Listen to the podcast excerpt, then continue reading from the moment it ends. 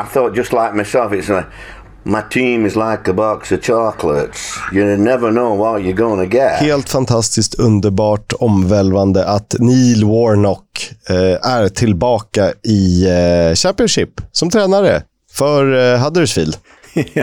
alltså, någonstans innerst inne visste ju vi att det här skulle hända, Kisk, eller hur? Vi har ändå suttit och liksom pratat lite om det här, att när kommer han tillbaka? Hur kommer han tillbaka? Vilken klubb tar han?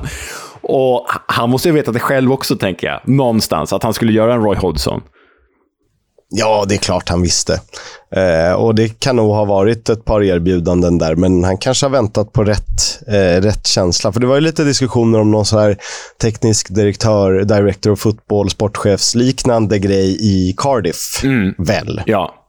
Han spekulerades ju också att han skulle ta över som tränare där, men, men eh, det känns... Dels slutade ju faktiskt Warnock och Cardiff på ett inte så bra ställe ju, när, när Cardiff sparkade honom en gång i tiden där för några år sedan. Och dels så är väl Warnock kanske tillräckligt klok nog för att inse att Cardiff är ett självmordsprojekt just nu. Um, inte lika mycket prestige att förlora i Huddersfield kan jag tänka mig. Och han har ju faktiskt en personlig relation till Huddersfield ju. Var där mellan 93 och 95, vann uppflyttning från eh, dåvarande second division, hette den ju, alltså tredje divisionen motsvarande League One idag. Ja, exakt. Så det här blir jäkligt kul och, det blir faktiskt jäkligt kul att följa. Det, det, det, det, får man ju säga. Det öppnar ju upp för mer material till veckans Warnock också, såklart. Ni som tycker att vi har trampat vatten med eh, olika roliga eh, sig runt om i landet. Idag ska vi till och med utomlands med veckans Warnock. Bara en sån sak. Mm, bara en sån sak. Och läget i övrigt är under kontroll?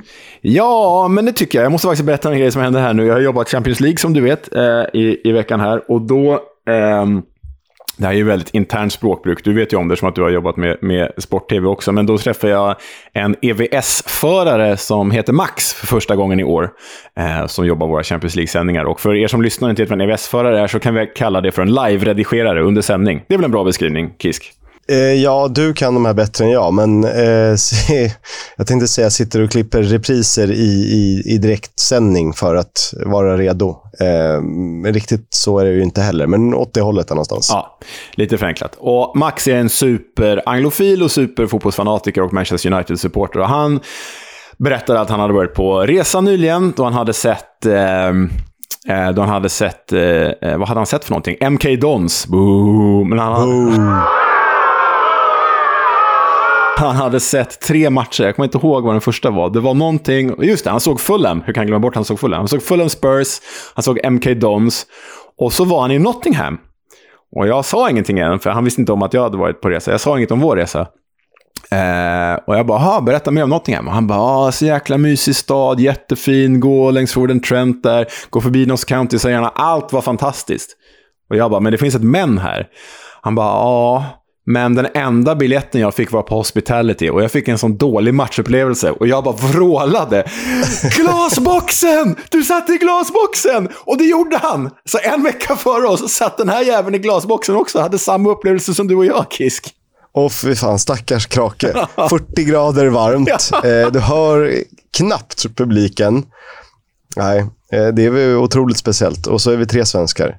Jag kan väl gissa att det är väl så man får handla i och med att de har sålt alla medlemskap och säljer slut i princip varje hemmamatch. Ja, men det, jag tyckte det var jävligt kul att han har upplevt den också. Vi är inte ensamma, we're not alone, om det här traumat. Uh, det känns bättre för varje gång. ja, det gör ju det att vi delar den här smärtan med andra. Men uh, Apropå Nottingham, nu ska jag hänga ut mig själv här, men eh, de hade ju någon slags Robin Hood-maskot när vi var där ju, som du kommer ihåg. Eh, och så tyckte vi väl att de spelade lite för lite på den här Robin Hood-kopplingen. Alltså, maskoten fanns, men inga prylar i shoppen, inget gosedjur eller sådär. Eller hur? Ja, det var svagt. Det var svagt. Ja, det var svagt. Så jag tog mig ju friheten att eh, skriva en eh, Nottingham Forest-ramsa med, eh, med Robin Hood-koppling. Ehm, och eh, eh, ni kommer väl ihåg den här gamla kära tecknade Disney Robin Hood och Lille John går igenom skogen. Vi, vi lyssnar på den på engelska för att liksom fräscha upp ett minne. Robin Hood and Little John walking through the forest, laughing back and forth at what the other has to say. Reminiscing this and that and having such a good time. Oodle lolly, oodle lolly, golly, what a day. Och Kisk, du vet ju var det här är på väg någonstans. Eh, så... Ja, jag, jag, röstar, jag röstar emot. Men det är demokrati och 50-50. Och... ja. Ja. ja. men ni får skyla era öron, för det här eh, lanserar jag en Robin Hood-kopplad Nottingham Forest-ramsa som de borde eh, köra mer. Som borde köra överhuvudtaget, tycker jag. Okej, okay. fan nu hänger jag ut mig själv här. Fan, lite nervös. We are all from Nottingham, gonna see the forest. Oodlally, oodlally, golly, what a day. Talking about the good old times, remember Trevor Francis? Oodlally, oodlally, golly, what a day. Jag tycker att jag har något Kisk. Jag tycker att det är ja, något det har, det har du faktiskt. Sen eh, är ju din eh, sångröst vad den är. Och det är min också ska tilläggas. Men jag, jag tycker det, jag gillar, vad jag, jag gillar vad jag hör ändå. Ja, men, jag, jag trodde att det skulle vara värre än det jag fick höra. Ja, men tänk ändå om Brian Clough Stand skulle köra, skulle köra 20 000 Forest-supportrar kör den. Liksom. Det vore ju härligt. Vem står där med någon sån här skön ukulele balalaika-variant?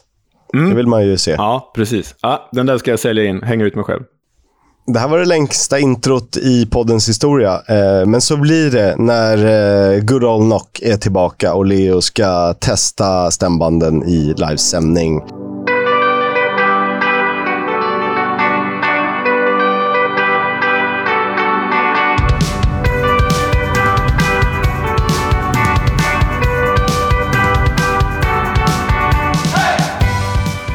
Det började i fredags i West Midlands. Ett eh, hejdundrande derby, eh, åt ena hållet i alla fall. Och eh, Det blir som det brukar när David Button står i mål för West Bromwich Albion. Ja, alltså det, det är ju så sjukt vilken effekt David Button har på, på West Brom. För när han står då förlorar de och när han inte står, då vinner de. Och det är sjukt att det här spelet vi sett under Carlos Corberan, sedan han tog över The Baggies, har ju de varit ja, men, seriens ja, men topp tre, fyra bästa lag. Men så fort David Batton står spelar det ingen roll, för då släpper han in de här jäkla målen hela tiden. Nu blev det ju 2-0 till Birmingham här, ganska oväntat. Eh, eh, men, och sen, jag menar första målet där, vad ska vi säga Kisk? Är det en målvaktstavla av Batton eller är det en superfri spark av Hannibal Mabry? Kan det vara båda? Eh, eh, jag tycker att det är väldigt eh, liksom, snabbt uppfattat att Hannibal Mabry har ett helt mål att skjuta på. Men det är ju fullkomligt usel placering av David Batton. Och jag är ju inte målvakt, har aldrig haft ambitionen att bli, har aldrig gått på målvaktsträning. Men så där kan du inte få positionera dig. Om du från cirkus 30-32 meter får liksom skjuta in bollen i ett mer eller mindre öppet mål på en frispark, då, eh, då vet jag inte vad man ska säga. Nej, det är ju faktiskt väldigt dåligt av Men som du är inne på, det, det är jäkla vaket av Hannibal Mabry. Och den är ju välplacerad, men ja, som sagt, den ska inte gå in egentligen. 2-0 Christian Bellick, personlig favorit. Gjorde ju det där bissamålet för Derby för typ prick ett år sedan. Det här var ingen bissa dock. Men 2-0 till Birmingham, ja, imponerande. De, de, har ju sitt mittfält som ändå får eh, sägas vara av väldigt hög kaliber. Kanske inte Premier League-nivå, men eh, Eh, övre mitten av Championship i alla fall. Det är ju Bielik och Mabry och Teichong och eh, Bakuna. Så att, eh, gott om rutin och kvalitet där. Mm, ja, ja, verkligen. På West Broms mittfält eh, dock så saknas ju alltjämt Jonathan Swift. Eller saknas, han sitter ju på bänken, eh, superspelaren från Reading i fjol. För nu har Mark Albrighton kommit in eh, från Leicester och han spelar ju hela tiden på Swifts bekostnad. Eh, lite förvånande ändå, skulle jag säga. Ja, eh, det tycker jag nog faktiskt också. Eh, nu är det väl inte samma position, men de här gjorde ju faktiskt bytet i, i matchen. Och jag tycker att John Swift är alldeles för bra för att inte spela. Men det, det, har man lyssnat på den här podden tidigare så vet man att det, det står vi för. Ja, onekligen.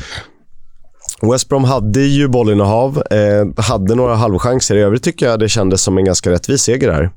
Ja, andra raka segern för The Blues som, som eh, verkar, spela i, liksom, verkar spela i sviter. Antingen är de bra eller så är de dåliga.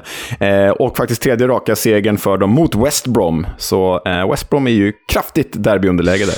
Det, det tajtar ihop sig i botten och i toppen, så kan man väl säga. West Brom indragna i den här eh, förmodligen underbara playoff-striden där eh, en, två, tre, fyra, fem, kanske till och med sex lag eh, ser ut att göra upp om eh, de två sista platserna. Mm. Eh, det ser vi fram emot, hur den här våren utkristalliserar sig. Mm, det gör vi verkligen. Vi går vidare till lördagen där eh, Rotherham, vårt kära Rotherham, åkte till Lancashire, till kusten och eh, spelade 0-0 mot eh, Blackpool i en match som två lag, eh, de här två lagen inte hade råd att kryssa egentligen. Eh, men jag undrar om inte Rodder här med egenskap av några, mer, eh, några positionen framför mår bättre av just den poängen. Jo, det var ju... Alltså den här... En seger hade varit viktigare för Blackpool än, än för Rotherham. Så det, bara hålla krysset här, hålla avståndet till Blackpool. Nej, jag tycker det ändå är en ganska bra poäng av Rotherham här. Viktor Johansson eh, höll ju nollan igen för övrigt, i an, andra raka väl. Och sen... Eh, oh, ja, jag vet inte, jag, jag, jag tycker ändå rätt stark poäng, poäng av Rotherham här. Blackpool hade ju fler chanser. Eh, Rotherham kanske vassar i sina chanser, men det är ju två lag som haft förtvivlat svårt att göra mål den här säsongen. Mm, mm, det är det. Eh, vi eh, fortsätter hålla hårt i vårt format Svenskkollen där vi går lite, lite mer in på djupet kring svenskarnas insatser. Men vi kan säga att det var en, en svensk matchvinnare på, på stopptid i alla fall. Eller matchvinnare blev det Poäng, inte, men poängräddare. poängräddare. Jag sitter Exakt. förut i min eh, nyinköpta Rotherham-tröja här, kan jag meddela dig. Fasen var fint. Jag, Mm. Ja, det var tre tröjor för dig. Tre tröjor och inga pengar kvar på kontot, men så är det.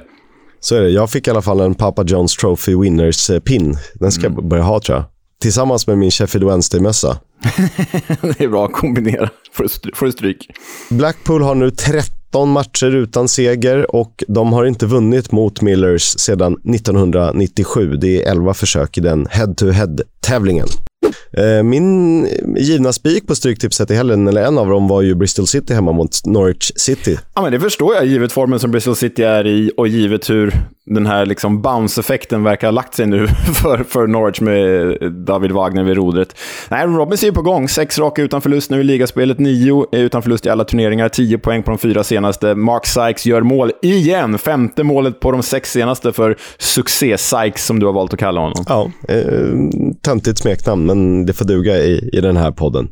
Eh, och det var faktiskt så att, på tal om lustig statistik, 11 raka utan seger hade de mot Canaries och det här var deras första seger mot dem sedan 2009. Ja, Norwich, de hade ju mycket boll, men väldigt svårt att skapa någonting med bollen. Eh, och förlusten innebar att de faktiskt halkade ner till tionde plats, Kisk. Tionde plats, med bara tre poäng ner till Robins. Alltså, åh.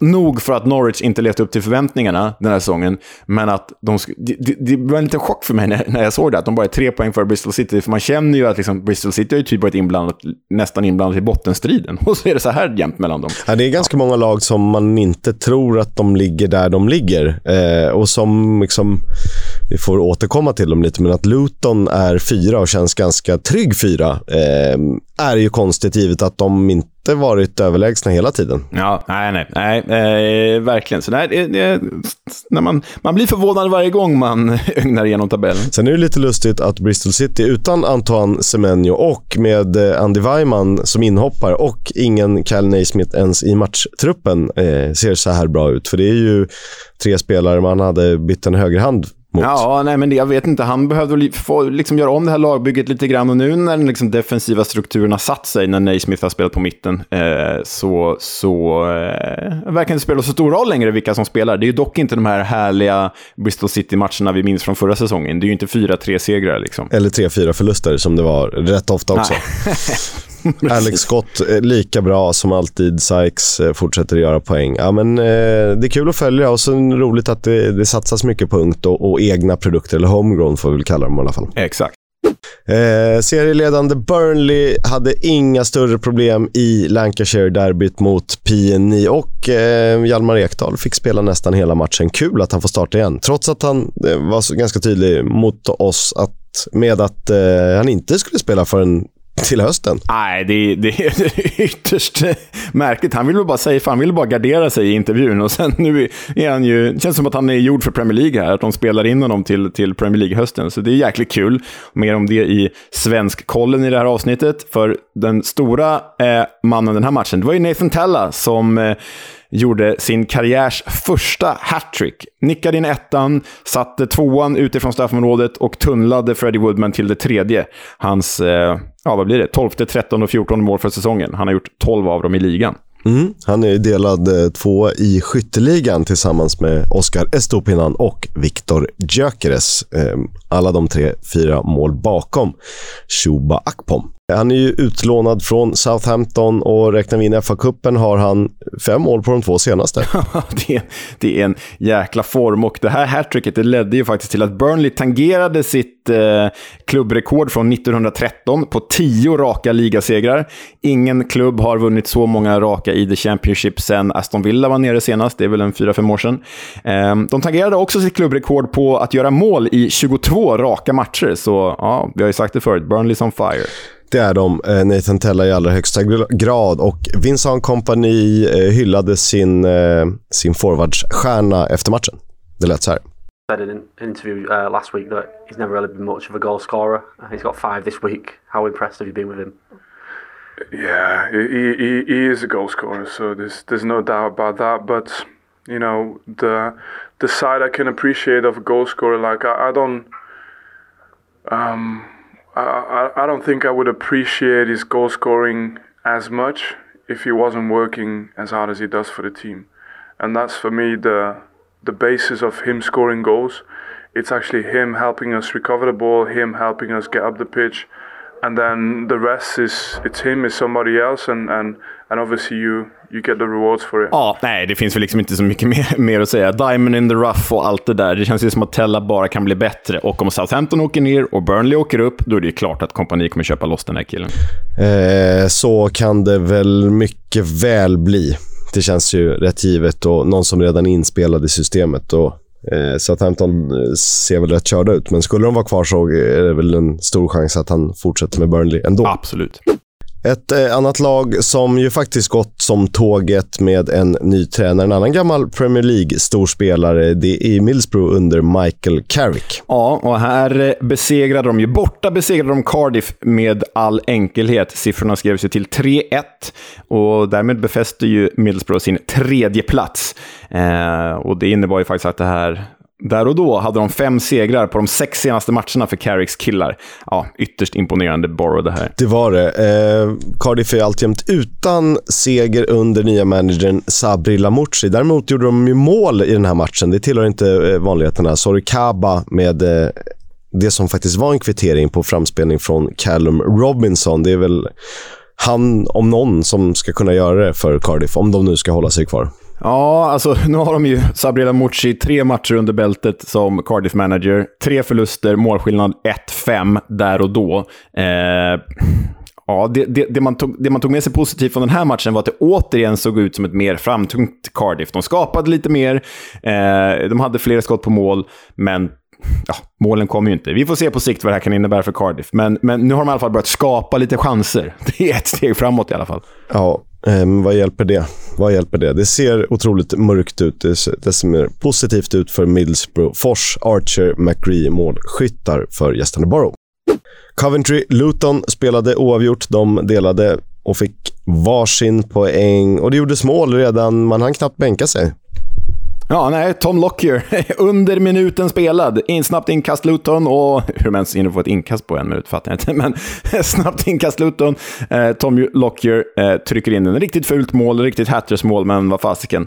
Det, de imponerar ju. Det här borde jag ju ha kollat upp, men det känns inte som första gången eh, som Luton gör ett tidigt mål. Och det var rätt nyligen också, vill jag minnas. Eller är jag helt... Eh, jag är onykter när jag säger det. Nej, säkert. Det, det, här får vi kolla upp. Jag, jag, jag, kan inte ta gift på det. Det är så mycket mål och matcher in och ut och fram och tillbaka. Så, nej, den, den får vi spara till, till nästa gång, tror jag. Men... Eh, eh den andra, det blev faktiskt en annan målskytt i den här matchen också. Det var ju lyckligt för Coventry, för Matt Godden, som gjorde sin första start sedan oktober, han nätade ju på straff. Mm. Och det var en svensk spelare, ni kan gissa vem, som, som fixade straffen. Mm. Viktor Gyökeres från start, som vanligt. Inget mål den här gången, men likväl en sån här eh, Fifa-assist. Det är väl Fifa som räknar att fixa straffar som assister. Jag vet inte. Football Manager räknar väl det, va? Football Manager, just det. Football Manager. Ja, jag vet inte vad jag tycker om det, men absolut en Football Manager-assist till Gyökeres. Coventry avslutade dock matchen med en man mindre då Man City-lånet Josh Wilson S Brand blev utvisad med fem minuter kvar. Ja, det blev lite skönt. Gurgel! Eh. Efter någon satsning. Men det var bara ett rött kort. Eh, det var väl ett par gula också. Exakt. London Derby hade en bekant som var på plats. Eh, verkade ju vara roligt. Eh, QPR Millwall och wow. Ja, alltså jag vet att det här är fel ändå att börja med eftersom att Millwall vann, vann, Millwall vann den här matchen med 2-1. Eh, men jag måste ändå börja i Chris Martin-änden. Chris Martin hoppar alltså in för QPR, debuterar och visst, fasiken gör han ett nickmål med 10 minuter kvar. Och då har han typ spelat en kvarts fotboll på hela hösten, hans första mål sedan augusti. Det är klart att, alltså, vi har vetat det hela tiden. Låt han spela så kommer han göra mål. Och egentligen gäller det ju till viss del också Duncan Watmore som öppnade målskyttet här. Eh, jag tror att vi pratade om honom om det var förra eller förrförra avsnittet när han skrev på för Millwall. Att det här kan nog bli ganska bra som en liksom eh, Benica Fobe-ersättare om man kan kalla det det. Eh, och nu gör ju han mål också. Ja, andra matchen in i Millwall-karriären. Jag vet dock inte vad jag tycker om hans smeknamn. Alltså det finns ju så här ro- bra smeknamn, det finns roliga smeknamn och det finns det trötta smeknamn. Jag tycker att det här är ganska trött, för du vet vad han kallas va? Upplys mig. The Ginger Messi. Nej. Nej. Alltså, det, det är väl lite humor att han är liksom Messis antites. Det är ju verkligen inte en Messi-spelare här, men, men äh, jag vet inte. Den typen av eh, eh, epitet ska vara på West Houlihan-spelare, inte på Duncan Watmore-spelare. Nej, Peter Whittingham hade man ju kunnat köra någonting roligt med, eh, kanske. Som ändå till spelstil och möjligtvis även med foten eh, kan liknas vid Lionel Messi.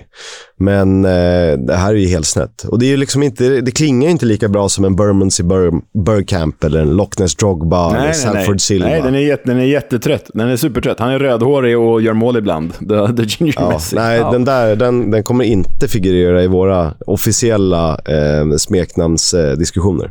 Nej, inte längre i alla fall. Millwalls andra raka bortaseger. Starkt, tror. Ja, det är vi inte vana vid. Och QPR har inte vunnit på nio raka i ligan. En seger på de 16 senaste. Så eh, för Neil Critchley ser det sådär ut, minst sagt. Mm, tyvärr. Vi... Alltså, det, det blir nog inte, knappt en kamp om playoff. Nej, nej, nej. Det blir absolut inte. De ska nog vara glada om de inte hamnar på liksom sista tredjedelen, tror jag. Ja, men lite åt det hållet. För att ett QPR som ändå såg vassa ut i början, förstå att de är på samma, en poäng före Birmingham. Med en match mer spelad. Ja, ja herregud. Ja, nej, det är, Det är eh, så sant som det är sagt. Det ser ju ut som att toppduon är hyfsad klar om inte Blades lyckas eh, eh, ja, eh, slip på sista stenen. Eh, men det ser väl verkligen inte ut så. Eh, och Middlesbrough ska göra något heroiskt i så fall. För Sheffield Uniteds andra plats känns rätt given just nu. Ja, för de krossade ju, mosade, körde över andra synonymer mot Swansea. 3-0 blev det. Siffrorna hade kunnat bli större. Sander Berge med riktigt välplacerat 1-0. Jack Robinson med en kanonretur på en kanonfri spark. Och Ollie McBurney mot sin gamla klubb. 3-0. Såklart. Och han vill ju inte fira mot klubben i hjärtat som det ändå har blivit. Han brukar åka med dem, eller brukade åka med dem på away days och, och eh, bete sig lite lad-it. Men jag tycker ju att Swansea-kommentatorerna, de som vi älskar, vet, top, eh, vad säger man, top corner, top man, top team in Wales och så vidare. De, hade Ja, rätt, eh, de lät rätt uppgivna när de berättade vem som hade gjort målet. Well, it's a terrific goal. Guess who it is? Ollie McBurney. Man älskar de här kommentatorerna. Så de är ju helt, helt underbara. Till och med när de är uppgivna. Det är de ju faktiskt. Eh, och Swansea är ju ett annat lag som känns... De har ju bara släppt säsongen nu och ska väl egentligen ta den i mål. Ja, så mycket för min playoff-kandidat där. Sjätte plats tippade de väl. Nej, eh, det är ju interna stridigheter och Russell Martin har vänt sig mot ägarna och supportrarna har vänt sig mot ägarna. Och, och för övrigt mer om eh, en av deras delägare i dagens nyhetssegment. Men det får vi återkomma till. Det är kaos där, tyvärr. Sen ska det sägas att från plats eh, 17 upp till plats eh, 6 så skiljer det inte jätte, det skiljer 8 poäng. Och gör man, gör man tre, fyra bra veckor så kan man ju liksom vara i kapp just det laget i alla fall. Ja, jo, absolut. Men eh, svårt att se att Swansea ska, ska mäkta med typ tre raka segrar. Inte i nuläget i alla fall. Inte i nuläget. Ja, möjligt att Hull kan göra det. Definitivt inte Stoke. Eh, för Stoke får nog se sig om bakåt. Eh, de spelade 0-0 mot Hull. Mm, en trist, jämn, broderlig historia där poängen delades. Eh, Hulls Aaron Connolly, irländske landslagsmannen, hade ju matchens två bästa chanser. De satt inte och istället hade ju Stokes 17-årige egna produkt Emre Tesgel kunnat bli matchvinnare, men eh, det ville sig inte i slutet av matchen. 0-0, som du sa. De har, vad är det, en seger på sju senaste. Eh, Hall dock, bara två förluster på 13 matcher under Liam Rosenior. De är väl topp 5-6 eh, med den raden. Och det är väl lite det vi var inne på eh, inledningen av säsongen, att de har ändå ganska många bra spelare i truppen som, som, som gör att de ska kunna blicka uppåt. Ja, nej men alltså, ge Rosenior en sommar, ge honom ett transferfönster i sommar. De kommer inte tappa så många av sina bästa spelare. Kanske, kanske eh, vad heter han då, backen, Greaves va? Eh, det är väl typ där honom de tappar. Jag tror att Hall är en definitiv playoff-kandidat till nästa säsong. Mm. Kanske redan nu, för de har ju faktiskt bara fem poäng upp. Ja, det var i och för sig helt sjukt om det skulle vara så. Ja, så kanske det blir. Sunderland är i allra högsta grad med i playoff-racet. De är ju en av de eh, starkare kandidaterna, vet jag inte om jag skulle vilja säga, men de är ju definitivt med där. Ja, och eh, det ska de ju tacka Patrick Roberts, Roberts för, för han gjorde ju matchens enda mål när The Royals Reading betvingades eh, uppe på Stadium of Light. Och eh, det här var ju faktiskt en match som Sandland borde ha vunnit med mer, men vem om inte Joe Fumley Lumley stod i vägen. Han, han har liksom börjat motbevisa mig nu. Han är ju bra hela tiden i Reading. Joe Lumley är ju, går ju från klarhet till klarhet den här säsongen. Vi kan ju inte säga att alla är bäst i, i serien och vi vet ju att det är Victor Johansson eh, efter vår, vårt besök på um, New York Stadium såklart. Men det är roligt att det här Sunderland eh, vinner på olika sätt. Det är alltid någon som dyker upp och är bra. De kan ju sakna, de tappade ju Ellie Sims, de har Ross Stewart skadat. Ja, men då är det Patrick Roberts som kliver fram. Lite som vi fick se under hösten också. Jack Clark har varit ganska blek på sistone, tycker jag. Inte stuckit ut på samma sätt, men han kan nog få en formtopp under våren här också. Ja, nej, men de har, ju, de har ju sin offensiva bredd och sen defensiven sitter ju ganska bra nu, eh, trots att det är ganska anonyma spelare där bak. Så nej, Sunderland... Alltså, vem vet? Det skulle kunna bli en playoffplats här, även fast Ross Stewart saknas under våren. Det, det vore ju coolt om inte annat. Det hade varit supercoolt. Reading har det lite tuffare, men vi, vi förväntade oss inte annat. Ett säkrat kontrakt är ju liksom allt man kan begära av Paul Ince och hans manskap. Ja, verkligen. Vid det här, efter den här helgen då, sex raka utan seger för Paul Inns pojkar. Watford, Blackburn 1-1. Också en, eh, det här var ju definitivt en, en kamp om playoff-platserna. Två lag som är eh, i krokarna för... Eh, det är sjätte mot åttonde laget i efterhand i alla fall. Ja, det håller väl båda på att kryssa sig bort från, från historien. Blackburn har alltså inte kunnat kryssa överhuvudtaget på typ 27-28 matcher och det här var deras fjärde kryss på de fem senaste. Vad har hänt Blackburn? Vad gör ni? Eh, men Kisk, vi måste prata Bradley Dack. Bradley Dackburn. Eh, för hans mål, att det är så jäkla kyligt alltså. Det är så jäkla, jäkla, jäkla kyligt. Det här börjar bli en personlig favorit för mig, den här lite lätt överviktige, tunnhårige mittfältaren. Är det, fast, när han gör den här skott slash kroppsfinten eh, och sen bara kan rulla in den i hyfsat öppet mål. Är inte det Bergkamp som har gjort något liknande? Som bara alltså, har sån kyla att man väntar ut? Jo, för han, han får ju, för er som inte har sett det, alltså Bradley Dack får ju bollen på fötterna i målgården. Eller hur, Kiss? Det är ju i målgården. Eh, ja. Alltså, den lilla rutan, typ en och en halv meter från mållinjen. Och istället för att bara vispa till den direkt, så håller han in skottet, vilket gör att målvakten och försvarare bara försvinner. Och så lägger han in den i, i, i eh, öppet. Ja, det, är, ja, det är så jävla snyggt alltså. Ruskigt kyligt. Det är det definitivt. Eh, Wesley Hoot som han ju faktiskt uttalas, även om man skulle vilja få in ett eh, ö av eh, oet där. Eh, tillbaka i engelsk fotboll. Han nätade ju i sin debut för Watford och um, han hyllades ju faktiskt efter matchen. Det var många som sa att han var en av de bästa på plan. Mm, ja, jag vet inte hur du gör det, men jag följer ett eh, konto på Twitter som heter typ Belgisk fotboll som skriver om ja, men, passionerade i belgisk fotboll, en svensk. Eh, och han skrev när Hött, eller Hutt då lämnade Anderlecht var det väl för Watford, eh, så var han ganska glad för att Hutt ska tydligen vara ett ärkesvin. Men det bryr sig nog Hornets inte så mycket om när, när han eh, gör mål i debuten som försvarare. Va, eh, vad betyder ett ärkesvin i det här fallet? Nej, men en riktig, inte så här svin på ett roligt sätt, utan svin som en skitstövel som bara bråkar med alla lagkamrater. Ja, men sådana behövs ju också ibland. Verkligen. Kan Sema tillbaka i spel för The Hornets. Kanske ännu viktigare för Watford i, i sluttampen här är att Joao Pedro eh, är tillbaka. För det är ju en, eh, en X-faktor för eh, Elton Johns gäng. Ja, ja, så är det ju. Verkligen. Han är väl en nyckel till en playoff-plats, eller inte. Sen kan man ju, man kan ju vrida och vända på eh, många siffror, men fyra raka utan seger för Watford och ehm, ja, möjligt att de, de kryssar sig bort från det här. Vi får väl se vad som händer. Mm. Lördagens tv-sända match på förhand kanske inte den eh, sexigaste titeln. Wigan Huddersfield. Nej, men oerhört dramatiskt och viktigast för tabellen. Verkligen, verkligen. Ja, men det var ju en, jag menar, det här var ju liksom två lag under strecket, jumbon mot eh, tredje jumbon, va? Eh, och eh, eh, Wiggins mittback Jack Watmo, han sa ju före matchen att det här är den viktigaste matchen i hela min Wigan-karriär. Och det krönte han ju med att vara bäst på plan och göra matchens enda mål. Ja, men det är kul såklart. Eh, och eh, lyfte ju Wigan, så att eh, nu är de på samma poäng som Cardiff ovanför strecket. Dessutom en match mindre spelad i och med det här. Vi får väl se efter veckomgången vad som, eh, hur, hur, tabell, hur tabellen skiljer sig. Ja, ja verkligen. Men eh, Huddersfield då med interimtränare från att de sparkade eh, Mark Fotheringham här om dagen. Så mer om det i nyhetssegmentet också. Men eh, viktigt för Wigan under nya tränaren Sean Maloney. Det här var ju Wigans första seger på tre månader, måste vi säga. Det är ju, ehm, ja, det, är det tippas på en liten eh, imaginär hatt som jag står och spelar in med. Verkligen. Tisdagen dyker vi in i såklart en veckoomgång att avhandla också. Vi får eh, speeda upp där det finns läge att göra det. Vi får stanna upp eh, där det finns läge att göra det. Eh, först ut, Norwich mot Hull. Eh, föga förvånande hemmaseger för eh, de eh, glada kanariefåglarna. Ja, eller kanske var lite förvånad ändå, givet eh, Norwichs form och givet Hulls eh, väldigt fina form.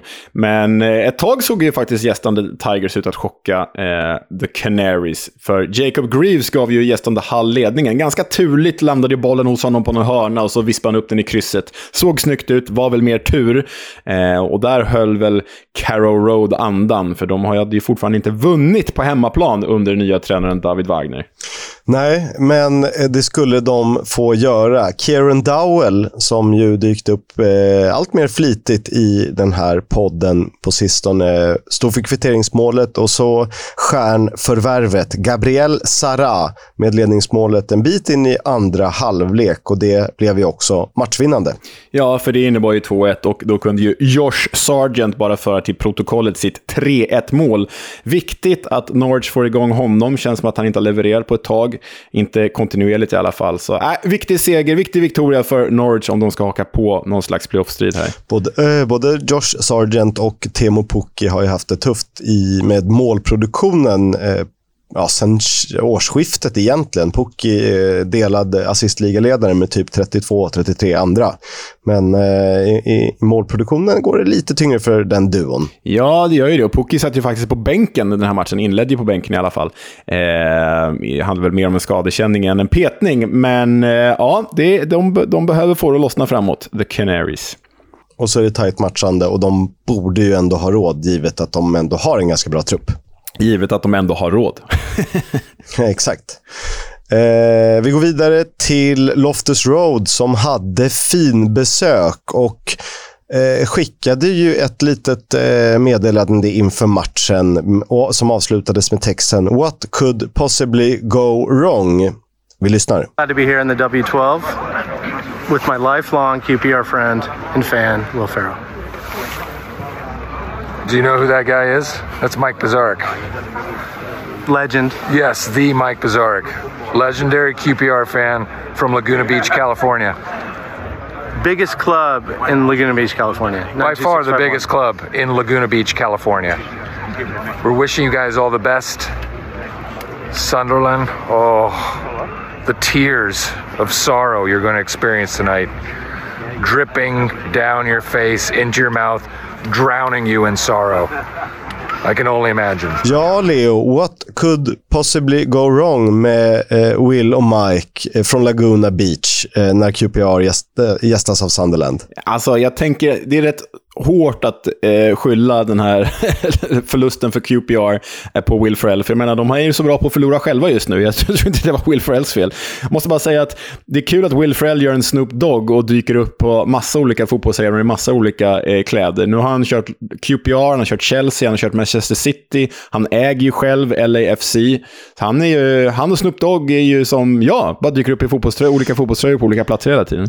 Ja, eh, Ja, okej. Okay. Vi, kan, vi kanske inte ska kasta spjut i radhus. Jag har lite roliga pins och sådär, men det är ju mer, det är mer memorabilia och det är väl samma för dig också. Jag köper ju lite roliga mössor och sådär också ibland. Och någon halsduk här och där. Eh, men här har han alltså en LAFC-mössa på Loftus Road. Och det är väl så för europeer med amerikanska franchises respektive eh, mössor och hattar, att vi tar inte lika seriöst på det som de gör vi, för mig är det inte en rivalitet att jag har en, eh, en Mets och en Red Sox-keps hemma. Utan jag ser det mer som snygg merch. Det är väl så. Ja, och det är ju så. Ja, precis så. Exakt. Men vi skulle väl aldrig... Alltså, jag hade ju aldrig gått på en Mets-match i en Red Sox-keps. Det hade jag ju inte gjort. Nej, det hade jag inte gjort. Men eh, han vill väl eh, föra sitt eh, varumärke. Varumärke, absolut. Absolut, så är det ju. Eh, dåligt gick det i alla fall, eh, oavsett hans påverkan eller inte. För QPR torskade ju med 0 jävla 3 hemma mot Sunderland. Ja, det, siffrorna kanske var lite i överkant, eh, men vi är ju inte för eh, de alldeles för drastiska besluten och, och snabba sågningarna. Sådär. Men det funkar inte alls under Neil Critchley, för det var ju ändå ett lag som såg ut att kunna kika lite på playoffplatser under Mick Beal. Eh, när han valde Rangers och de anställde Neil Critchley. Sedan dess har de spelat 11 matcher i ligan. En seger, fem oavgjorda, fem förluster. Dessutom har de åkt ut mot Fleetwood i FA-cupen. Så det funkar ju verkligen inte. Nej, det funkar absolut inte. Och det, det, är synd, för rent personligen så vurmar jag ju lite för QPR och jag har fått för mig att jag gillar Neil Critchley också, så jag sitter och tänker att det här kommer lösa sig någon gång. Men som du säger, 1-5-5 på 11 matcher är fruktansvärt dåligt. Och spolar man bakåt, läste jag precis innan vi satte oss här, spolar man bakåt till tillfället då eh, den tidigare tränaren Mick Beal nobbade Wolverhampton i oktober för att stanna kvar i QPR. Eh, så verkar någonting ha hänt där. För efter att han nobbade Wolverhampton för att stanna kvar, det blir ju typ bara två matcher till, så har QPR bara vunnit två matcher sen det tillfället. Bara vunnit två matcher. De har gjort minst mål i hela serien och släppt in näst flest. Och då, när Mick Beal tackade nej till Wolves, då ledde QPR hela serien, The Championship. Det är ju sanslöst. Det är, liksom, det är ingenting som funkar. Eh, Chris Willock, om han ens spelar, är en, en spillra av uh, säsongsinledningens Chris Willock. Ilias Cheir uh, gör allt utom att uh, vara en Adel Tarap 2.0 och sätta bollar i krysset. för han missar ju straffar till och med. Det är liksom ingenting. Han brände ju straff i den här matchen och missade två ganska bra skottlägen också, eh, baserat på highlightsen. Så äh, nej, inget du har rätt, inget, inget funkar. funkar.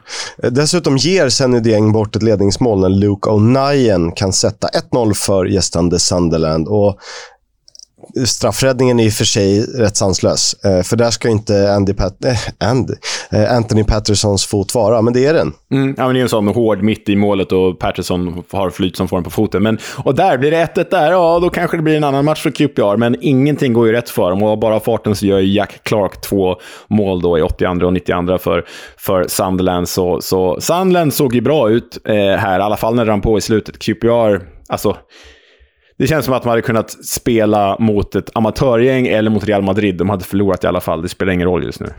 Eh, lite så är det ju. Eh, Sunderland ska ju till playoff. De verkar ha bestämt sig. Ja, de, de är jävligt, jävligt bra. De verkar inte bry sig så mycket om att det saknas spelare här och där. De kör bara. De kör. Det är en liten eh, eh, fuck it, eh, vi kör-mentalitet. Ja. Ja. Ja, vi får se hur raset går här för QPR. Inte orolig för bottenstrid än, men vet, fortsätter det. Det är ändå många matcher kvar. Många poäng att tappa. Liksom, så. Nu är det, ganska, det är ganska många andra lag som är i urusel form och det är ett gap ner till eh, bottenfemman om vi väljer att klumpa ihop dem där. Men eh, ja, det är närmare dit än till playoff. Ja, så, så, så är det ju. Det är den enkla matematiken. Ja, eh, ett lag som, har, eh, som är i, liknande läge som QPR. Det är sjukt faktiskt att QPR bara har tagit en poäng mer än Birmingham. Och de har dessutom spelat en match mer. Mm. Eh, sen är det ju inte så konstigt med tanke på hur konstiga Birmingham är och hur obegripligt Championship är. För först ska man slå West Brom och sen torskar man hemma mot ett Cardiff som är liksom urbota dåliga. Ja, ruskigt, ruskigt jävla dåliga. Men vi sa det ju när vi pratade om helgens matcher, att ja, de förlorade igen under eh, Lamort, eh, Sabri Lamuccis tredje match som tränare, men de har ju skapat chanser under Lamucci, vilket de inte gjort på hela säsongen innan. Och skapar man chans, chanser, då gör man förr eller senare mål. Nu gjorde de ju faktiskt två här borta mot Birmingham, för Cardiff vann ju med 2-0 borta mot Brummies och eh, gjorde ju äntligen mål, även om det satt långt inne, 84 och 95 minuten. Eh, men det här var ju en ruskigt viktig seger för Cardiff. Det var det. Perry NG, väldigt vacker frispark, eh, 1-0 målet och det måste känns förlösande. Sen är det ju lite härligt att man tidigare under dagen presenterade Connor Wickham, eh, som ju är en favorit. Vi gillar de här anfallarna som aldrig riktigt höll för Premier League, eh, men som ju... Sen har han inte gjort så mycket mål i Championship. Jag tycker han slösar bort sin karriär på bänken i Sunderland och Palace istället för att han hade ju blivit en Jordan Rhodes i Championship. Ja, alltså han har ju varit... Det, är ingen tvek, det råder ju ingen tvekan om att eh, det finns kvalitet i den här killen, men hans karriär är ju bara en enda lång skada. Det är ju det som har förstört för honom.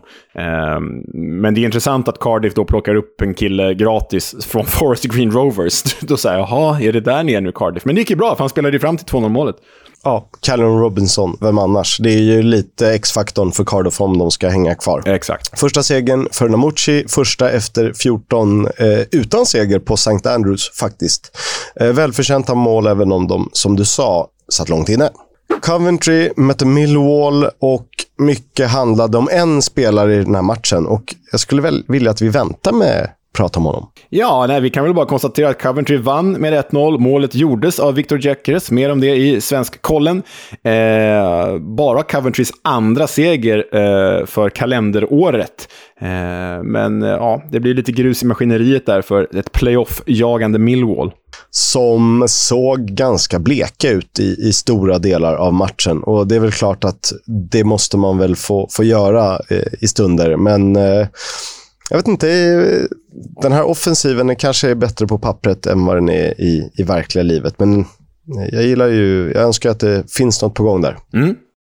Det stora toppmötet under tisdagen också. Den tv-sända matchen blev ett svensk möte. Eh, skulle inte ha blivit det. Eh, Hjalmar Ekdal, eh, tredje matchen i ligan eh, från start i rad.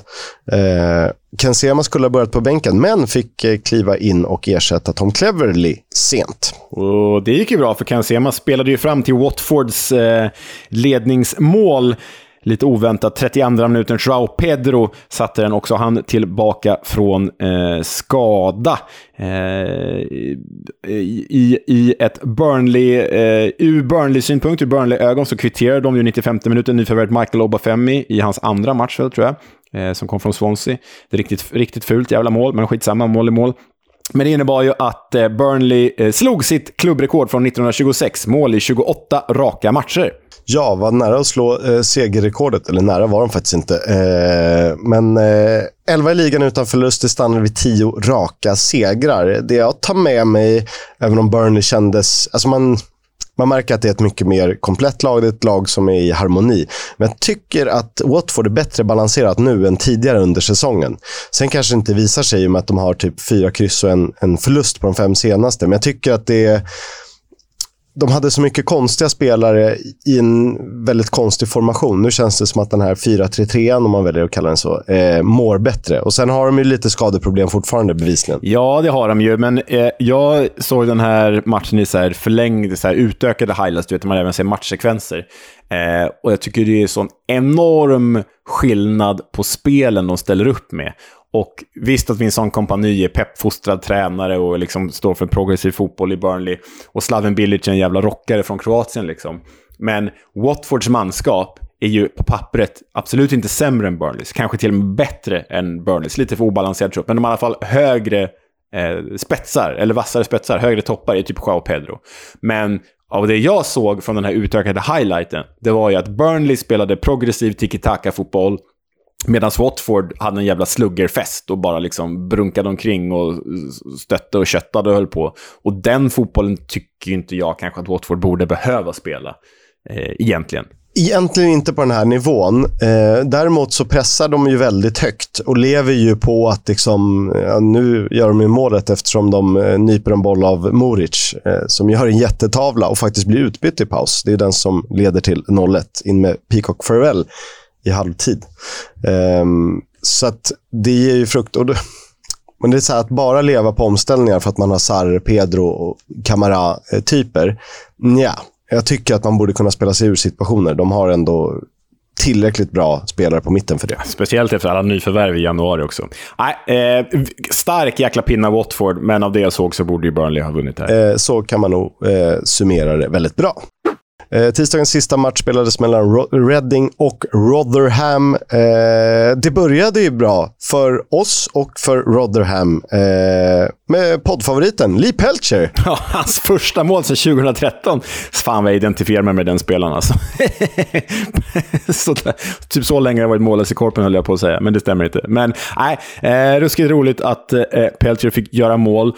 Och här var, det blev ju dock, de tappade ju sen där, det blev en 2-1-vinst för Reading. Rotherham tappade tappade eh, 1-0-ledningen, blev 2-1 till, till Reading då. Men, men eh, jobbig omgång för Rotherham, givet att de har gått väldigt bra på slutet. De ledde den här matchen. Eh, och så torskar de samtidigt som Cardiff vinner. Aj, aj, aj. Då blir de ju helt plötsligt direkt insugna i det där sink, slukhålet igen som de varit på väg att lämna. Ja. Eh, Peltiers första mål sedan 2013 förresten. Och Reddings första seger i ligan under 2023. Jävla nick av Andy Carroll för övrigt. Ja, ja, det får man ju säga. Jobbigt för Victor Johansson med Tyrese Fornas avgörande i 90 minuten. Eh, inte att beskylla honom för. Vi går vidare till onsdagen. Det blev ett kryss när Bristol City mötte Wigan. Det var dock Big Rob Atkinson som gav hemmalaget ledningen.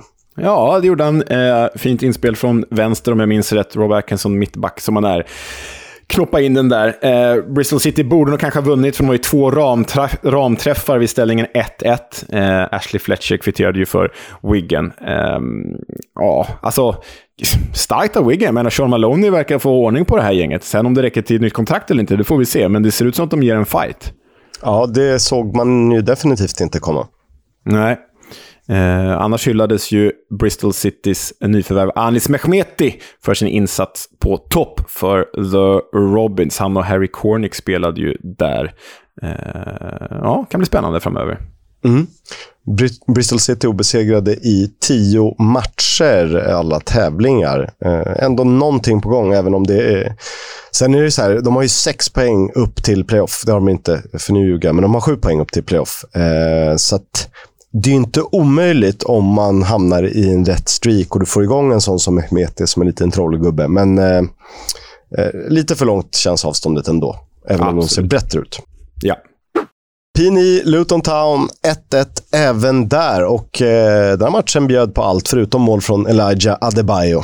Ja, men snälla. Alltså, gå in och kolla de highlightsen från den här matchen. För Adebayo borde, utan att överdriva, ha gjort tre mål i den här matchen. Ja, absolut. Jag säger inte emot. Och det är väl tur att de har Colton Morris som är någorlunda bra den här säsongen. Sen är det ju ett solklart rött kort när Ben Whiteman eh, svarar för en alldeles vansinnig satsning. Ja, han blir utvisad för Preston då. Med rätta utvisad Preston. Han förstår inte vad som händer, men det är klart att det är ett rött kort. Och då tänker man att det här vinner Luton, speciellt när de då tar ledningen med 20 minuter kvar. Men så ger de ju bort en sjukt onödig straff som verkar varit det typ enda Preston hade efter utvisningen. Och ger man Troy Parrott straff, då sitter den uppenbarligen, för det var en jädra straffkisk. Ja, eh, någon säger säkert att det är dumdristigt, men jag tycker att det är en fullkomligt briljant straff. För det finns inte en målvakt i världen som tar den där. Du kan Nej. sätta två målvakter i mål, ingen av dem tar den. Nej, den är bomb, otroligt bomba bra. högt och hårt som satan. Mycket fint. Ja, den är mycket fin. Stoke eh, tog tre starka pinnar hemma mot Huddersfield. Mm. Eh, och vem om inte Phil Jagielka stod för ledningsmålet. En riktigt bra nick faktiskt, sådär lobbnick i krysset. Det gillar man ju. Oklart om det var med flit eller inte, men, men riktigt fint ledningsmål. Ja, man vet aldrig om det är med flit med, med Jagielka, men kul att han spelar, kul att han gör mål. Eh, det var ju så att Narcis Pelach styrde, styrde gästerna i väntan på Warnock, som ju tar över först till helgen. Ja, eh, och det gick ju inte bättre då för Huddersfield när Will Boyle visades ut i den andra halvleken, hans andra gula. Jag tycker att det var lite hårt. Eh, det finns några andra som inte tycker att det var det, men jag tycker det var lite hårt bedömt. Men då, där var det ju tack och godnatt för Terriers, för sen kunde ju Stoke göra både 2 och 3-0 mot matchens slutskede. Ben Pearson debuterade för Stoke. var eh, kul att se. Han är väl utlånad från Bournemouth. Tidigare eh, en rad matcher för PNI under bältet. Eh, Terriers hade en ramträff, någon mer chans. Men eh, rättvist med 3-0, eller 3 poäng framför allt. Absolut, och viktigt i botten för Potters där också. Ångestderby eh, mellan två tidigare blommande städer, eh, nåja. Eh, när Swansea tog emot Blackpool och det var lite ångest på planen också. Ett Swansea som ju inte riktigt ville ge upp den där playoff-drömmen och ett Blackpool som eh, tvingas eh, se, titta uppåt, för de har inga lag bakom sig nu. Nej, de tvingas ge upp Championship-drömmen känns det som. Nej, men eh, eh, det var ju liksom... Swansea tog ledningen ganska tidigt genom Matt Sorinola. Och Charlie Patino visas ut för Blackpool i början av andra halvleken. Då ser det ju mörkt ut. Ändå kvitterar de! Men eh, underbart är kort som du har skrivit här, för det, kvitteringen höll ju bara i tre minuter. Ja, och då är det självmål, Callum Connolly, som eh, ger de tre poängen till Swans. Och eh, alltså, även tidigare så ser man ju att Jerry Yates är en eh, själsiker spelare.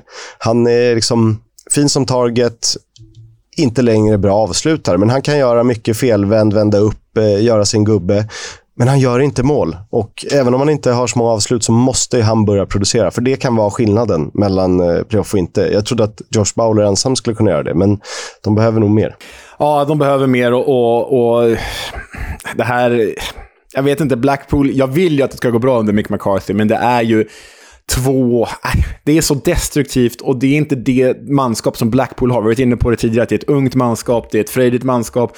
De har, liksom, de har teknik med sig och sådär och, och så spelar de den här typen av fotboll. Jag såg siffror nu i morse att Eh, Eh, det var verkligen två vitt skilda tränarstilar i den här matchen. Russell Martin i Swansea, Mick McCarthy i Blackpool. Och lyssna på det här, Kisk.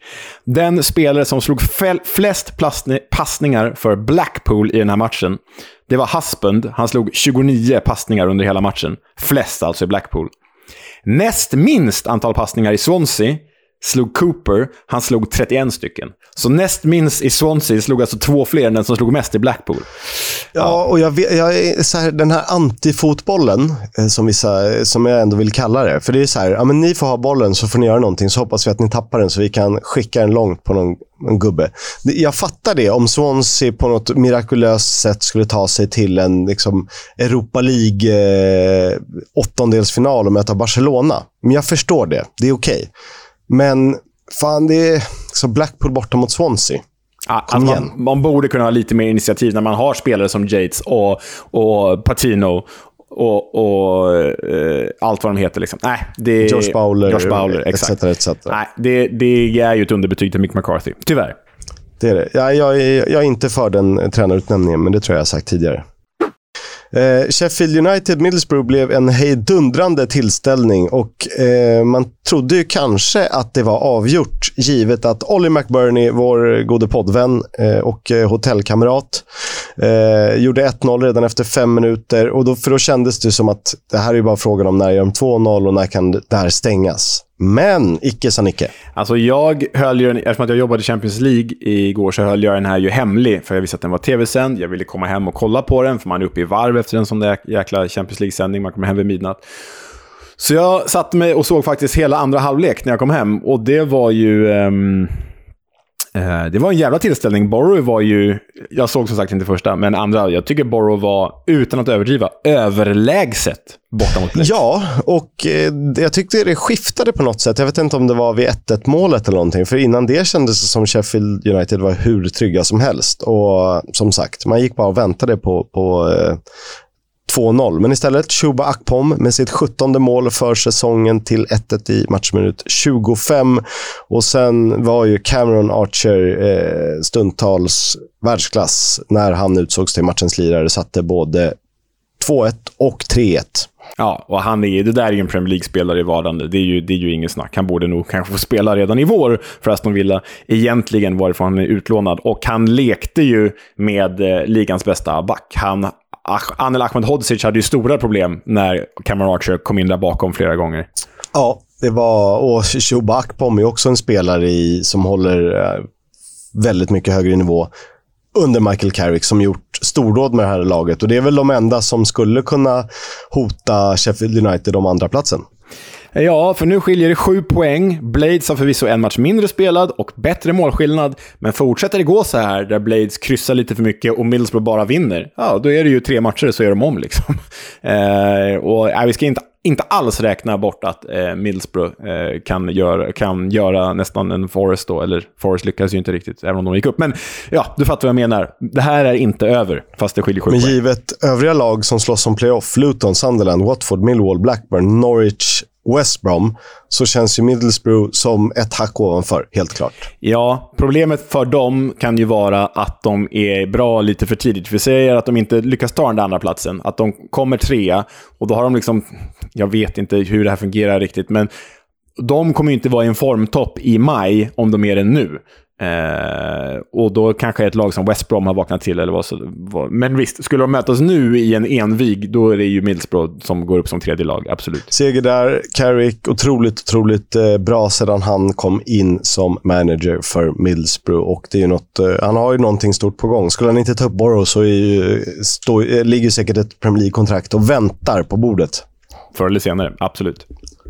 Eh, veckans sista match spelades mellan West Brom och Blackburn och eh, från att inte ha kunnat kryssa så kan de inte annat än att kryssa. För det blev en sen poäng. Eh, West Brom startade med talangen Josh Griffiths i mål. David Button är Ja, nej, det är, de har ju förlorat för mycket poäng på grund av David Button. Så enkelt är det ju. Det är, det är jobbigt för honom eh, såklart. Eh, och att man då väljer tred, en ung tredje målvakt istället. Ehm, West Brom borde nog ha vunnit den här matchen, var ju bättre, hade fler chanser. Jason Mulambi eh, satte 1-0. Ben Burton Diaz, jag visste inte att han kunde slå frisparkar, kvitterar med minuten kvar, men jag undrar ändå om, om det inte är ytterligare en målvaktstavla, den här gången då signerad Josh Griffiths, för den där borde han kanske tagit va? Kanske. Eh, Ganska bra träff får han eh, dock. Eh, kostade ju en playoffplats för när det stod 1-0 i 88 då var ju faktiskt West Brom eh, sexa, tror jag. Och så var det med det. Listen, Swindon. Sweden. It's a country, you tool. Viktor Johansson stod 90 plus 90 i helg och i veckan noterades för tre respektive en räddning. Betyg 7,24 och sedermera 5,96. Ny nolla för seriens kanske formstarkaste målvakt. Eh, I helgen förs- eh, fungerade verkligen försvaret och tre hållna nollor på de fyra senaste. Men i veckan kom första förlusten på ett bra tag. Dock inte Victor Johanssons fel på något av målen. Han eh, toppar ju alltid listan över flest räddningar i serien. Hjalmar Ekdal startade ju både i helgen och i veckan för Burnley och han fick 7,17 i första matchen, 6,86 i andra matchen av Husgård. Bara tre spelare har högre betyg enligt Husgård i The Championship och det är Luke McNally Coventry, det är eh, Blades Oliver Norwood och det är den långtidsskadade Ross Stewart. Det är klart att det är lättare med få matcher, men det är ju en bra start om inte annat. Eh, och eh, det är ju såklart tacksamt att få den här chansen i Burnley än i exempelvis Blackpool eller Cardiff, vad det nu kan vara. Eh, viktig kugge i uppspelsfasen. Anel Ahmedhodzic spelade 90 respektive 67 minuter. Det blev inga poäng. Däremot tog han ett gult mot Middlesbrough när han hade tuffare. 6,90 och 6,39 i betyg enligt WhoScored, officiell eh, statistikpartner till Championship. Eh, klart godkänt betyg när de hade en bra dag mot Swansea, 3 poäng och en nolla för tidigare Försvararen, Eh, lite tuffare mot Borough då. Kanske inte inledningsvis, men i och med att Sheffield United tappade taktpinnen blev utgångsläget sämre för Anel, tvingades stöta lite mer och chansa. Han blev utbytt mot Jebison när Blades jagade kvittering. Viktor Gyökeres spelade två hela matcher i helgen i veckan. Eh, ett mål gjorde han, hade tre skott, fick 7,53 i betyg i första matchen, 8,42 i andra. En bra insats, borde kanske gjort ett mål till senast dock, men löper och sliter och, och eh, ja, han ställde ju till det för alla motstånd och hyllades enormt av tränare Mark Robbins efter matchen. Eh, och så gjorde han ju då matchens enda mål mot Millwall ensam skytteliga tvåa med 13 mål. Ken Sema återvände från skada. Han fick hoppa in och spela en halvtimme när Watford kryssade mot Blackburn. Och I veckan fick han alltså starta när Tom Cleverley sent tvingades kasta in handduken. Det blev ett lyckosamt drag då Sema noterades för en assist. Väl avvägd framspelning till Joao Pedro och 0-1 borta mot Burnley. Sen blev han ju utbytt när Watford försökte täta till bakåt senare. Eh, gjorde en hel del nytta under sin, eh, sina dryga dryga 60 minuter där. Eh, nästan 7 i betyg efter en lite svagare 6.37 i under inhoppet.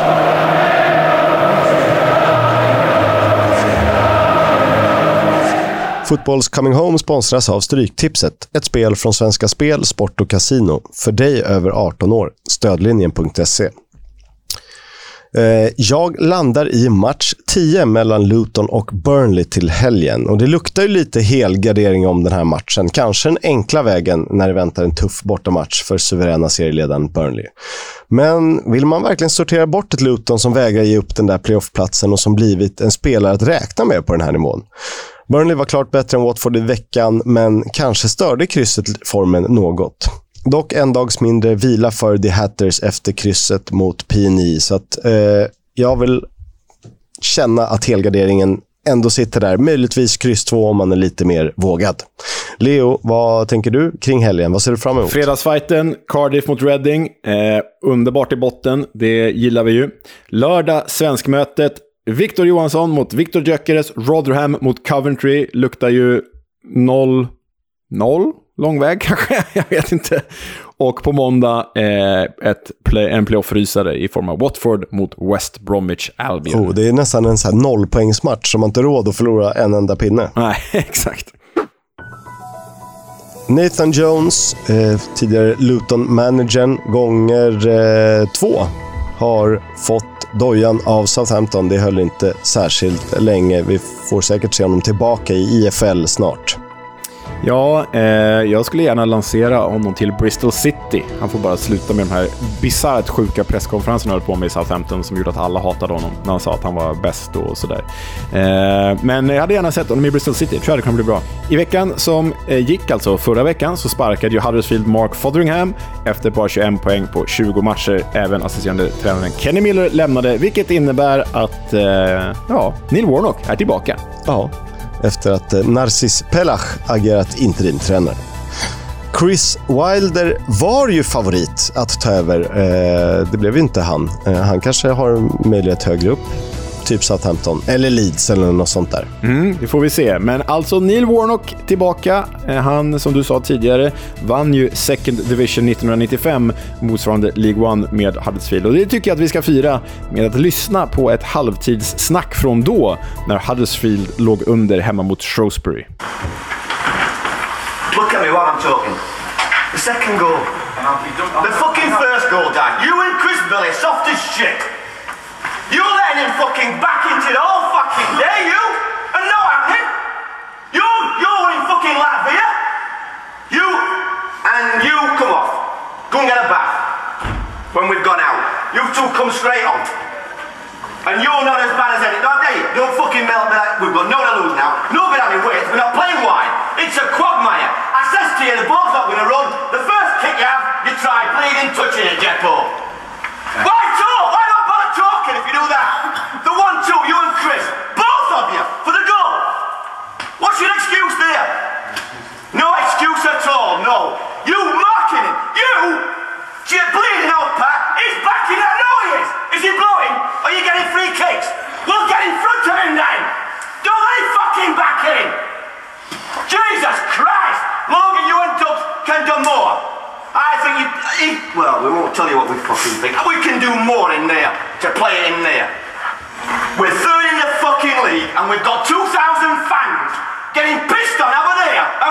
Mer sånt. är det förvånande att det lät så, Kisk? Nej, det är jag inte. Jag, är bara, jag hoppas på att vi kan få ännu fler eh, roliga citat till våra programpunkter eh, med honom. Cardiff tog ju in den kontraktslöse Connor Wickham eh, sent succé direkt. Gjorde en poäng i inhoppet. Wow. Swanseas delägare Jordan Gardner har på sociala medier kritiserat skötseln av Valencia. Inte staden Valencia, utan klubben Valencia alltså. Däremot så har han i sin tur blockat alla som har kritiserat hans skötsel av Swansea. Så jag vet inte, han kanske inte ska kasta sten i glashus den där killen. Som man gör.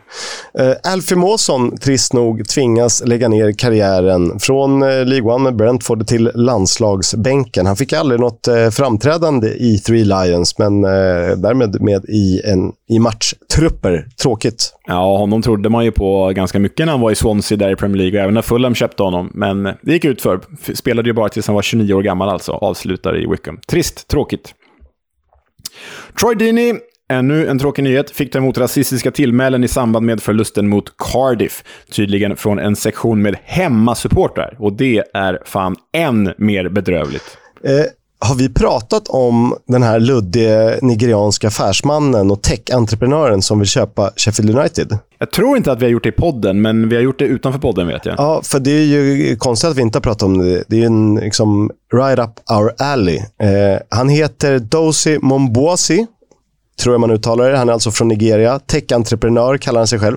Han är ju med och driver det här, eh, det här stora Tingo Airlines. Har du koll på det? Nej, egentligen inte. Men eh, det är väl typ bara påhittat eller något sånt där. Det är jätteroligt för att han, han skryter mycket om det. Han har lagt upp videos när det här bilder i luften och, och, allt sånt där. Det är bara ett problem. Det finns inga bevis för att Tingo Airlines skulle ha opererat en enda flight någonsin.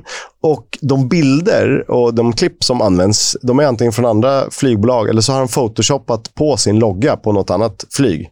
Eh, och han ska alltså vara sugen på att köpa Sheffield United för en herrans massa pengar. Så att jag undrar bara, hur tar han sig dit med ett påhittat flygbolag? Det är, ganska, det är inte så här, ingen sol och vårare som vill låna 10 000 av en gammal tant. Det är ju ändå, vi pratar ju liksom miljardaffärer. Ja, men det här förekommer ju. Vi minns ju Notts County och vi minns ju Parma när de köptes av någon slovensk liksom, bilhandlare. Alltså, det, det, det är sjukt att det förekommer och att det kan gå så här långt, men Eh, jag skulle nog råda Sheffield Uniteds nuvarande ägare till att inte göra affärer med eh, Dozy Mombosi. Det är ett jävla bra namn också. Dozy ja, det är ett jävla bra namn. Dozy Mombosi. Det är ett ruskigt bra namn. Vi avslutar nyhetssegmentet med att berätta att Sunderlands målvakt Anthony Pattersons jagas av både Leicester och Wolves. Sunderland sägs kräva 10 miljoner pund. Och med det har det blivit dags för uh, vår kära Remember the Name. Och du tar då pulsen på ett Manchester United-lån. Det stämmer.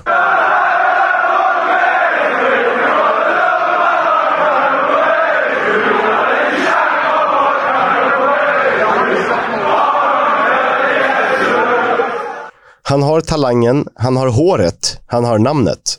Så när lossnade egentligen för Hannibal Mabry i Manchester United? Som så många andra stora talanger är han född och uppvuxen strax utanför Paris stadskärna. Och det är väl fastslaget att det är den stad som fostrat flest eh, A-lagsspelare på hög nivå, väl? Så är det. Det stämmer.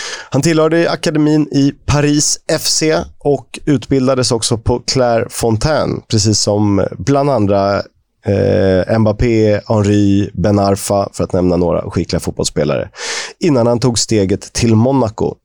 Scoutades av flera eh, fotbollsgiganter och provtränade bland annat med Arsenal. Eh, trots att eh, Mabry efter ett tag imponerades av Monacos akademi så slutade i moll med diskussioner om kontraktsbrott. Så istället blev det år 2019 en flytt till Manchester United som besegrade konkurrens från PSG, Bayern München och Barcelona i en affär värd mellan 5 och 10 miljoner pund. Som 17-åring etablerade han sig i U23-laget i Premier League 2. Både tack vare sin spelskicklighet men också delvis på grund av sin spelstil. Helt orädd och alltid 100% Oavsett vem han spelar med eller mot. Vilket bland annat lett till en omtalad träningsbustup med Alex Tejes, där eh, Ralf Rangnick faktiskt fick kliva emellan. Mm. Det dröjde inte allt för länge innan seniordebuten så kom. Även om det bara blev åtta minuter så fick han hoppa in i eh, sista matchen säsongen 2020-2021 mot Wolverhampton. År 2021 blev eh, på andra sätt dramatiskt då den tidigare franske juniorlandslagsmannen inför pompa och ståt och stor publik presenterades som tunisisk landslagsman, som man ju kan via, eh, via föräldrarna representera. Och det var nog inte helt dumt. Eh, redan 20 år gammal har han hunnit, noter hunnit noteras för 20 landskamper och dessutom delta i ett VM-slutspel. VM det blev två ligaframträdanden säsongen 21-22. Sex minuter mot Liverpool och dryga timmen mot Crystal Palace för sitt Manchester United. Sedan augusti 2022 tillhör han Birmingham och har under säsongen varit en av de klarast lysande stjärnorna i ett annars ganska blekt blues. Av centrala mittfältare under 21 år som gjort minst tio framträdanden är det faktiskt bara två som rankas högre i The Championship. Bristol City-suveränen eh, Alex Scott och Sheffield Uniteds Manchester City-lån Tommy Doyle.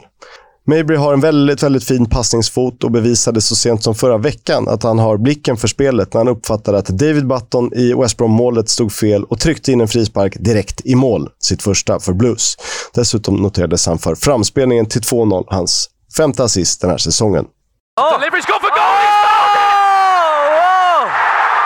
What goal! What a way to score your first Blues goal! In front of an adoring St Andrews crowd! Wow, amazing! Om det beror på hans position eller på den aldrig sinande inställningen på planen låter vi vara osagt. Eller så beror det helt enkelt på kombinationen när han jobbar hårt för sina kort. Det har blivit åtta stycken till antalet hittills och han är femma över listan på orsakade frisparkar per 90 minuter. Och frågan om, om hans position? Ja, det verkar väl vara åtta. Eh, som åtta han ska glänsa, även om han fungerar rätt bra i en mer framskjuten position, typ tia eller kallare offensiv mittfältare.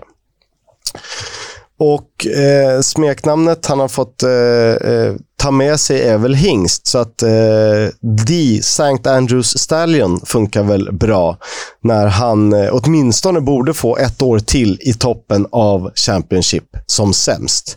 För annars känns det ju som att han är redo för Premier League, om inte annat än som inhoppare. Men det krävs arbete utanför planen, för det Mabry själv har slagits av sedan flytten till England är hur mycket tid som tillbringas på gymmet. Så mer bänkpress och fler minuter i United. Ja, och det här, det finns, man vet ju med den här storklubbstalangen så här, det finns ju ingen garanti för att han kommer att spela United. Men det snackas ju lite så i runt Birmingham-kretsar i alla fall, att det är nog bara en tidsfråga innan den här killen gör minuter under Ten Hag i United. Så det vore ju spännande. Det vore kul. Annars finns det säkert ett gäng bottenklubbar i högsta divisionen som är sugna på hans underskrift. We'll have a chat about the fucking game. About your game, last few months, last few weeks. Fucking character. Från Everton till PSV i Eindhoven. Jared Brantwaite. Det var inte ett jättefult namn. Jävla speciellt. Han låter som en actionhjälte ju. Jared Brantwaite. Nej, men Everton-talang eh, som nu då är i PSV. Eh, spelat i Jong PSV, ungdomslaget. Fick väl debutera i helgen i A-laget då. Då fick han vara med om en ganska obekväm intervju med en holländsk journalist. Apropå att uh, Jared Brantwaite har spelat i Carlisle tidigare. You, you, you didn't score very many goals in your life. Uh, you played at Carlisle. Yeah. Carlisle, Carlisle United. I've been there once with Brighton. Then I found my mom. I said, Mom, I'm there. She said, Where? I'm at the bloody end of the world. Is that the bloody end of the world, Carlisle? Yeah, it's it's, it's a punishment to play there. Eh? you play there. Yeah, for me, no. It's my it's my hometown. So for me, it was it was good. There. It's your hometown. Yeah, my home. Yeah, yeah. Sorry about it. No punishment for me. Ja, vad säger du Kisk? Hur hade du reagerat om en, om en journalist hade sågat din hemort och födelseort på det där sättet? Det hade han nog fått höra bakom kulisserna. Man får väl försöka rida ut det proffsigt och sen eh, ta det efterhand. Men jag kan ju också tänka mig, utan att ha varit i Carlisle, det låter kanske inte som den sexigaste platsen på jorden. Det är säkert jättefint. Det är väl mest off i hela England, va? i hela fotbolls-England. Det är den klubb med liksom längst resor, eh, oavsett vilken liga de, de spelar i. Med liksom högst upp i nordväst. En snabb bildgoogling. Eh, det ser ut som vilken liten småstad eller typ eh, förortscentrum som helst. Eh, men inte jättefult. Sen har de sin egen eh, kopia på kinesiska muren, men det är en, kanske lite mer så här, låg eh, gotländsk får, fårstängsel. Ja, men det är väl den där, inte det den här eh, Hadrians Wall, alltså Hadrianus... Eh, det kan det nog vara. Cumbria. Gamla, Gammal romersk rest. Eh, nej, men Carlisle är väl också eh, det här eh, stället där eh, deras gräsmatta alltid svämmas över någon gång under säsongen. ja, ja eh, deppigt ställe. Men nåväl, det är inte så, han är inte så påläst den där reporten heller som börjar såga Jared Brantwaits hemort. Ja, ja. Nej, då får man ju faktiskt hitta något eh, positivt med det där uppe i nordväst. Om man kallar eh, Lancashire för nordväst så är det här ju norr om det. Det är ju liksom Newcastle i öster och så är det ju Carlisle eh, nästan lika långt västerut. Inte riktigt. Ja, ja, ja, verkligen. De har ett slott här också, ser jag på Wikipedia. Det ser coolt ut. Nu åker vi till Carlisle. Jag är inte helt säker på att vi skulle klara en helg i Carlisle. Jo, det skulle vi göra, men ska vi se en match då? Och sen kolla något eh, Dumfries eller någonting? Keswick ja, ja. away. Ja, ja, fan. Det blir svinbra. Det är klart vi ska till Carlisle. Det var allt, och allt är inte så lite för idag. Nej, det var ju ganska mycket, eh, kan man säga. Det var ganska mycket kan man säga. Men eh, långt megaavsnitt. Kul ska det vara. Långt och härligt. Vi lovar att det blir lite kortare avsnitt nästa vecka, tror jag. Det är ingen mitt, mitt va? Nej, jag har inte kollat. Jag hoppas inte det. Det är, det är så mycket fotboll så jag, jag ser dubbelt. Man, liksom vak, man vaknar och drömmer mardrömmar om David Button-insatser och uh, Phil Jagielka-nickar. Ja, för fan. Fina drömmar ändå. Ja, det är det. Vi säger tack för idag. Ciao! Hej, hej! mega